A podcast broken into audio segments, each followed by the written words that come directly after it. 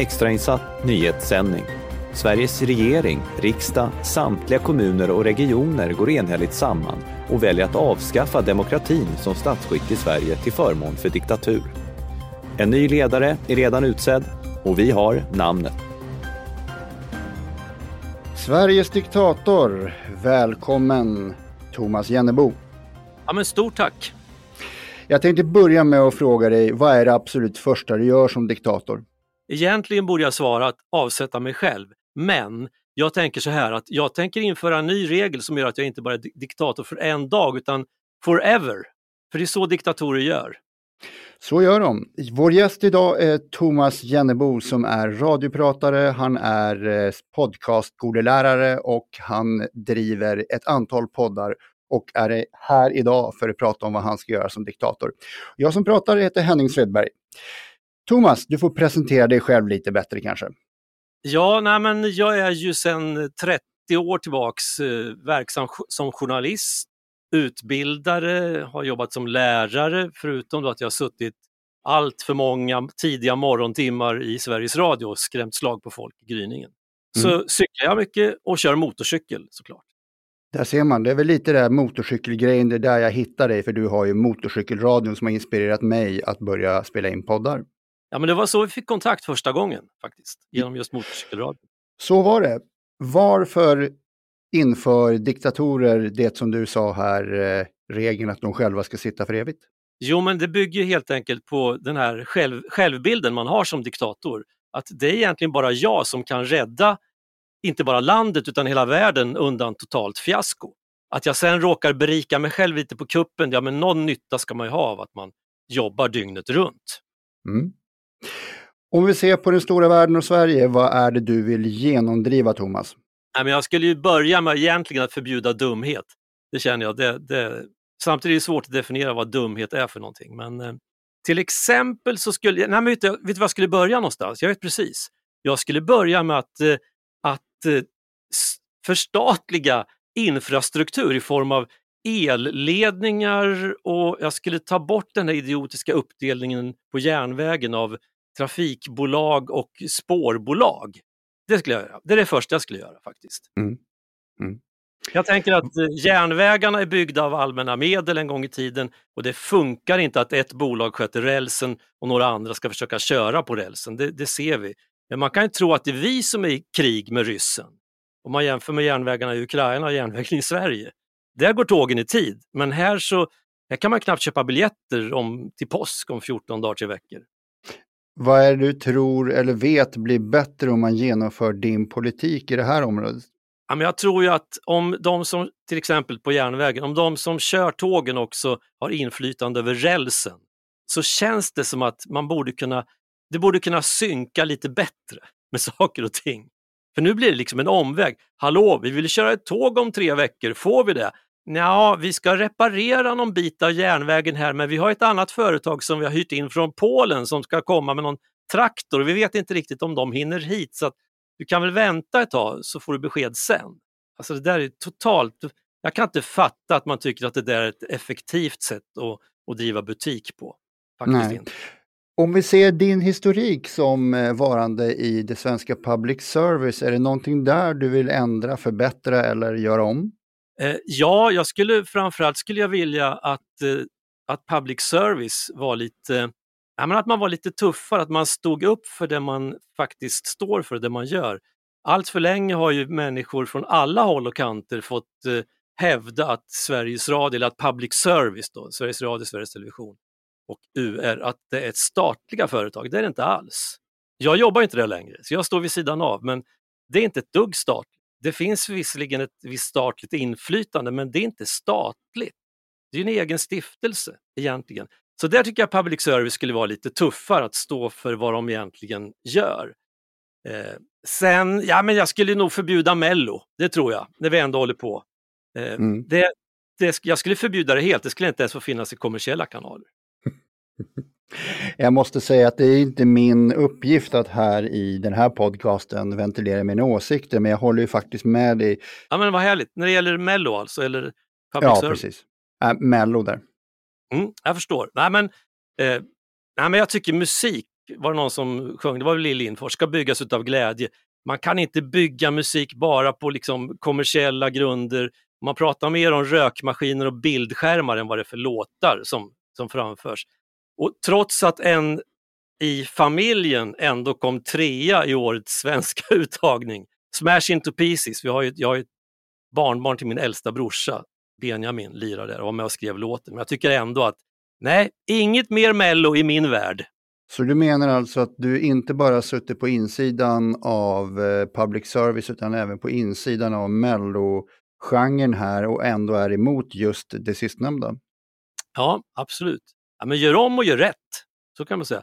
Jag hittade ett gammalt klipp från 1960, satt och kollade på. Då var det fyra låtar som tävlade i den svenska uttagningen. Men det var åtta artister, så att varje låt framfördes två gånger av olika artister då. Och ena gången då var det William Linds kvintett som spelade, andra gången var det ett storband typ som dirigerades av Tore Erling. Och så kunde man då lyssna, vilken melodi var egentligen bäst i de här olika versionerna? Det kallar jag meloditävling det. Mm, mm. Så det är glittret och allt gytter runt omkring som är det stora problemet för dig då? Ja men låten försvinner ju. Det är ju vi pratar mer om rökmaskiner än om, mm. om och, och, vem kan ta fram en gitarr och sitta och sjunga en, en mellolåt vid ett lägerbål nu för tiden? Det går ju inte. Det är omöjligt. Ja, du har nog säkert poäng i det. Det är klart jag har. Jag är diktator. Säg inte emot ja, om vi kikar vidare på nyheter på andra program som eh, public service gör, vad, vad vill diktatorn genomdriva där? Ja, nej, men jag tycker till exempel att det här Tankar för dagen eh, ska man flytta. Nu är det ju före halv sju, det ska flyttas till efter halv sju för att jag är nämligen beroende av att lyssna på radio på morgnarna för lite olika rutiner och det gillar inte jag när de flyttar runt på saker och ting. Då måste jag plötsligt titta på klockan igen för att veta vad klockan är. Så flytta tillbaks allting som det var. Menar du att du är en konservativ diktator då där? Ja, konservativ, alltså jag, jag tycker jag är, jag är en riktig diktator. Så att om det nu är konservativt och vill ha ordning och reda så ja, då är jag konservativ. Men du fattar ju själv, man kan inte byta plats på grejer i, i radioprogram. Nej, jag är själv en sån människa som blir eh, nästintill gubbrasande när de byter färg på ikonerna till apparna i min telefon. Då hittar de inte längre. Nej, men det ska vi också förbjuda. Inget mer sånt. Det är märkligt, det här. egentligen som diktator, jag känner att jag vill förbjuda en massa saker. Mm. Hela tiden. Är, inte, är inte det vad en, en diktator normalt gör då? Jo, det är väl därför man har väl fått någon, någon, bild av någon annan diktator hur man ska, men egentligen vore det trevligare att, att tillåta en massa saker. Mm. Vad genomdriver du då tänker du? Ja, nej, men då skulle jag ju, då skulle jag ju tillåta, jo, nej, men jag skulle tillåta folk att få vara lite glada. Eh, jag skulle, skulle tillåta, jag vet, det, kan, alltså det, här, det finns något slags dansförbud, eller har man tagit bort det kanske redan? Ja, dansförbud var det väl inte, utan det krävdes väl tillstånd för att ja, få dans, ha dans. Ja. Och det var väl snarare en brandskyddsåtgärd äh, än en glädjeförbudsåtgärd om jag förstått det. Mm, ja, jo, i och för sig, det går ju att motivera saker och ting. Jag såg nu, vi har en diskussion här i Örebro just, gällande en läkare på eh, universitetssjukhuset som har tagit hand om material, förbandsmaterial och eh, enklare mediciner, typ huvudvärkstabletter med utgånget datum. Och så har han lastat det där i, i blandade bilar och så körs det till Ukraina. Och det har blivit på ren svenska ett jävla liv, för så får man inte göra. För det där ska ju destrueras. Mm. Eh, och sen har ju region, eller universitetssjukhuset i Örebro något avtal med Socialstyrelsen om att man ska samla in gammalt uttjänt material som inte på något sätt är farligt men det har bara passerat bäst före datum och skicka det gemensamt till Ukraina. Och då på frågan, hur mycket sånt har gått iväg under det senaste året? Ingenting. Ja. Medan den här läkaren då, som kör lite civil olydnad, eh, smyger iväg någon ambulans då och då fullastad med grejer. Eh, mer sånt. Mm. Varför ska vi bränna fullt användbara grejer för? Jag hör här att du tycker att Mello är daterat och bör kasseras, men att eh, användbara grejer ska då eh, exporteras. Jag förstår att du inte vill exportera Mello till Ukraina. Nej, men verkligen inte. Alltså, de, man har problem så det räcker. Nu i och för sig har de varit framgångsrika i Mello i Ukraina. Så de kanske gillar Mello. Men jag tycker ändå inte att vi, vi ska Äh, det finns bättre grejer att göra om vi ska dela kulturer med varandra, vilket jag tycker i och för sig är bra. Men Mello är ingen kultur som jag vill ska spridas mer än vad den har gjort hittills. Mm. En av dina livsgärningar, om jag får, får värdera den själv, måste ju vara din, ditt vurm för eh, människors rätt till och genomdrivande av yttrandefriheten. Du vill ju att människor ska ha egna poddar, du utbildar dem och ser till att de gör det så bra som möjligt för att kunna nå ut med det de tycker, som jag har förstått det. Vad tycker du själv om den biten, eh, genomdrivandet av det egna ordet i media? Jag tycker det är jättebra. Alltså det är en sån nu är jag diktator, nu ska jag inte prata om demokrati, men det är faktiskt en, en väldigt bra sak för, för demokratin i den här diktaturen som jag ändå är chef över. Att nej men ju fler röster som får, som får höras, desto bättre är det. tycker jag. Och vi har ju, eh, om vi nu ska vara, vara, vara allvarliga en stund, i Sverige, vi har ju otroligt generösa lagar när det handlar om eh, yttrandefrihet och, och sådana saker. Så att ju fler människor som som lär sig den här relativt enkla tekniken och använder den för att berätta sina historier, desto bättre är det. Jag menar, tänk dig själv, du kanske har skrivit, du sitter på ett bokmanus och så försöker du få det här utgivet. Inte 17 vill något förlag ge ut din bok. Hur gör du då? Ja, men du gömmer den i, i byrålådan kanske? Nej, du läser in den som en ljudbok och publicerar den som en podcast. Och det kan du göra om en kvart. Mm.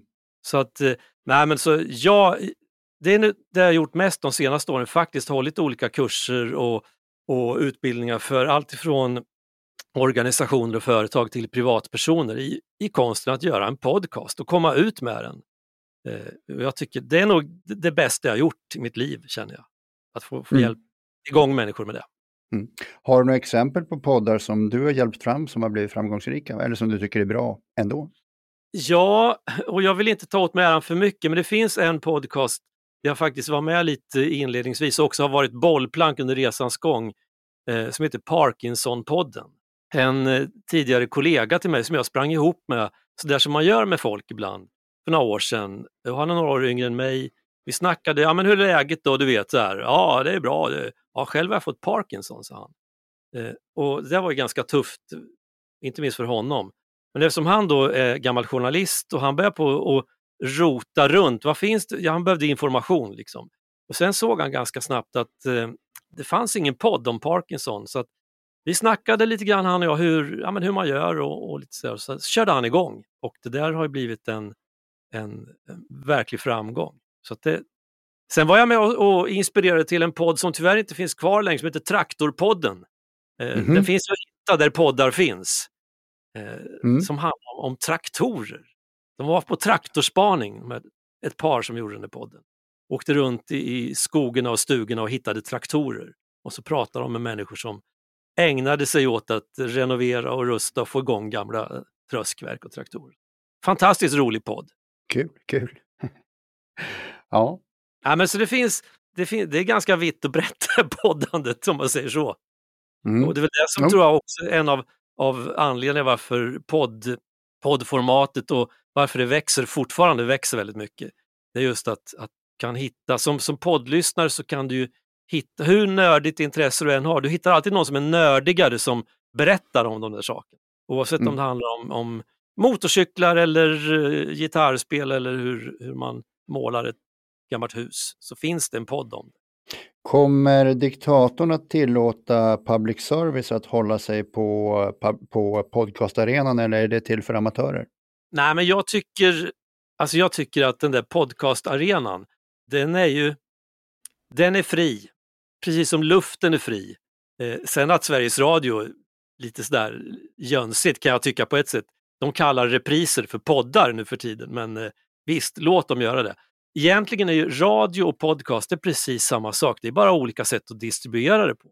Radio, då skickar man det genom luften som radiovågor. Eh, poddar, ja men det, då kör vi det via internet.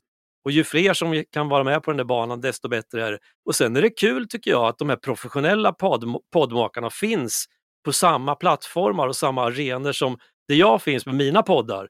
För då kan man ju liksom, ja men då har man ju någonting att mäta sig emot dessutom. Mm. Det är klart att de professionella, de har ju ett kvalitetstänk på väldigt mycket, men det är inte säkert att de är bättre för det än en podd som en, en hängiven amatör gör. Nej, sant. Vi pratar här om andras poddar och sånt. Jag tänkte poddar som du själv driver och kör. Vad har du för någonting där, bara rent eh, intressemässigt för vad du gör för någonting? Ja, men jag, dels har jag den här eh, lilla, lilla vid sidan om-podden, alltså Motorcykelradion, som jag numera har, jag har hjälp av en tidigare student till mig, eh, Johanna. Eh, så vi körde igång den där, det var en nystart förra våren och nu har vi precis dragit igång en ny säsong. Den, den är jättekul att göra. Vi snackar motorcykelåkning framförallt. Alltså, det där som är så svårdefinierbart, som i brist på annat säger vi, det är frihet. Varför vi tycker om att köra motorcykel, varför vi gillar att få ont i röven och bli genomblöta av ösregn och de är friheten. Det där pratar vi om. Men den stora podden som jag gör ihop med Anders Adamsson sen 2010, Cykelradion, den, den har ju levt, ja, vi är inne på, det blir 14 säsongen nu. Kör. 106 avsnitt har vi väl släppt ifrån oss. Den är mm. fantastiskt rolig att göra och den får ju också hela tiden, vi har ju lyssnare som vi har haft med oss hela vägen sedan vi började, men där kommer också nya lyssnare hela tiden till då, som, som hittar oss. Så den är jätterolig att göra. Mm, mm. Du vet att eh, när vi började skissa på den här podden så blev jag intervjuad själv. Eh, och då sa jag som det första jag genomdriver när jag blir diktator är att förbjuda klungcykling. Ja, en liten fågel har viskat att du är emot klungcykling och jag hävdar att klungcykling det är det bästa som sen skivat bröd faktiskt. Eh, mm. Därför att klungcykling, i, generellt så är klungcykling säkrare både för cyklisterna och eh, de omkörande eller mötande bilisterna. Det där låter ju lite, lite märkligt men en, vi säger en grupp då, vi säger 12 cyklister. Den är en, som kör i klunga, den är sex cyklar lång, mm. den där klungan. Eh, det, det, är mindre än vad en traktor är. Eh, och det går alltså lika lätt att köra om det där som att köra om en traktor. Risken när man ligger på ett långt led det är ju att man som bilist, jag har själv gjort den där grodan, alltså när, när man har kommit fatt ett gäng cyklister, det är att man tycker att det här ser klart och bra ut och sen så börjar man på att köra om och så plötsligt så, oj det var visst ett backkrön och där kommer det något stort emot mig. Eh, och vart tar jag vägen då? Ja men då får jag tackla de där som är lätta att tackla, det vill säga cyklisterna. Eh, men när de ligger i klunga så då betraktar man dem mer som, som ett, ja men ett, i och för sig ett hinder då, men får man lugna sig lite. Så jag tycker klungcykling mm. är det är inget stort problem för oss bilister. Har du själv kört bil i ett klungcykelrikt område? Eh, ja, det har jag. Mm. Jag tänkte så här också att den här traktorn som du jämförde med, han är inte ute för, för nöjes skull och cyklar. Nej. Eller traktor traktorerar, han gör ett jobb. Ja men precis, det finns, men det finns ingenting i lagar och förordningar som har med vägtrafik att göra som säger att, att du inte har samma rätt att vistas på vägen om du är ute för ditt nöjes skull. Eh, och det kan ju också vara så att den här bilisten som kommer ifatt en klunga också är ute och kör för sitt nöjes skull. Det är inte säkert är det att det är en hårt arbetande människa som är på väg för att lösa cancerns gåta. Ja. ja. Nej, men eh, jag förstår det. Vi har olika åsikter där och, och man kommer ju aldrig komma till eh, vad som är rätt eller fel. Men en diktator kan alltid fängsla en illvillig poddare som, som betalar emot hans hobby för mycket. Absolut. Sen kan jag väl som diktator, då, jag vill ju vara lite snäll också, så tycker jag vi, ja, men vi ska väl krama varandra i trafiken. Det finns ju plats för oss alla egentligen, så om man bara tänker efter lite. så. Och samma sak med oss klungcyklister. Fasen, kommer vi på en smal väg och det är trafik, ja men för fan, gå åt sidan, kör mm. inte dubbla led, lägg er på mm. enkel led och håll er så nära kanten det bara går. Mm. För så gör vi också. Ja, Eh, om vi nu inte diktatorn ska fängsla mig, för jag vet att diktatorer kastar ju alltid någon eller något i fängelse, så frågar jag också dig, vad kommer du att fängsla för något eller någon när du nu blir diktator? Jag kommer omedelbart att fängsla de så kallade räknenissarna. Ja men du vet så här, jag var tidigare idag faktiskt och spelade in, kanske till någon podd eller till något annat, jag vet inte riktigt, ett samtal som jag förde med en äldre dam ett projekt som jag genomför åt hembygdsföreningen här ute. Vi samtalar med gamla människor om hur det var en gång i tiden och hur det är nu framförallt.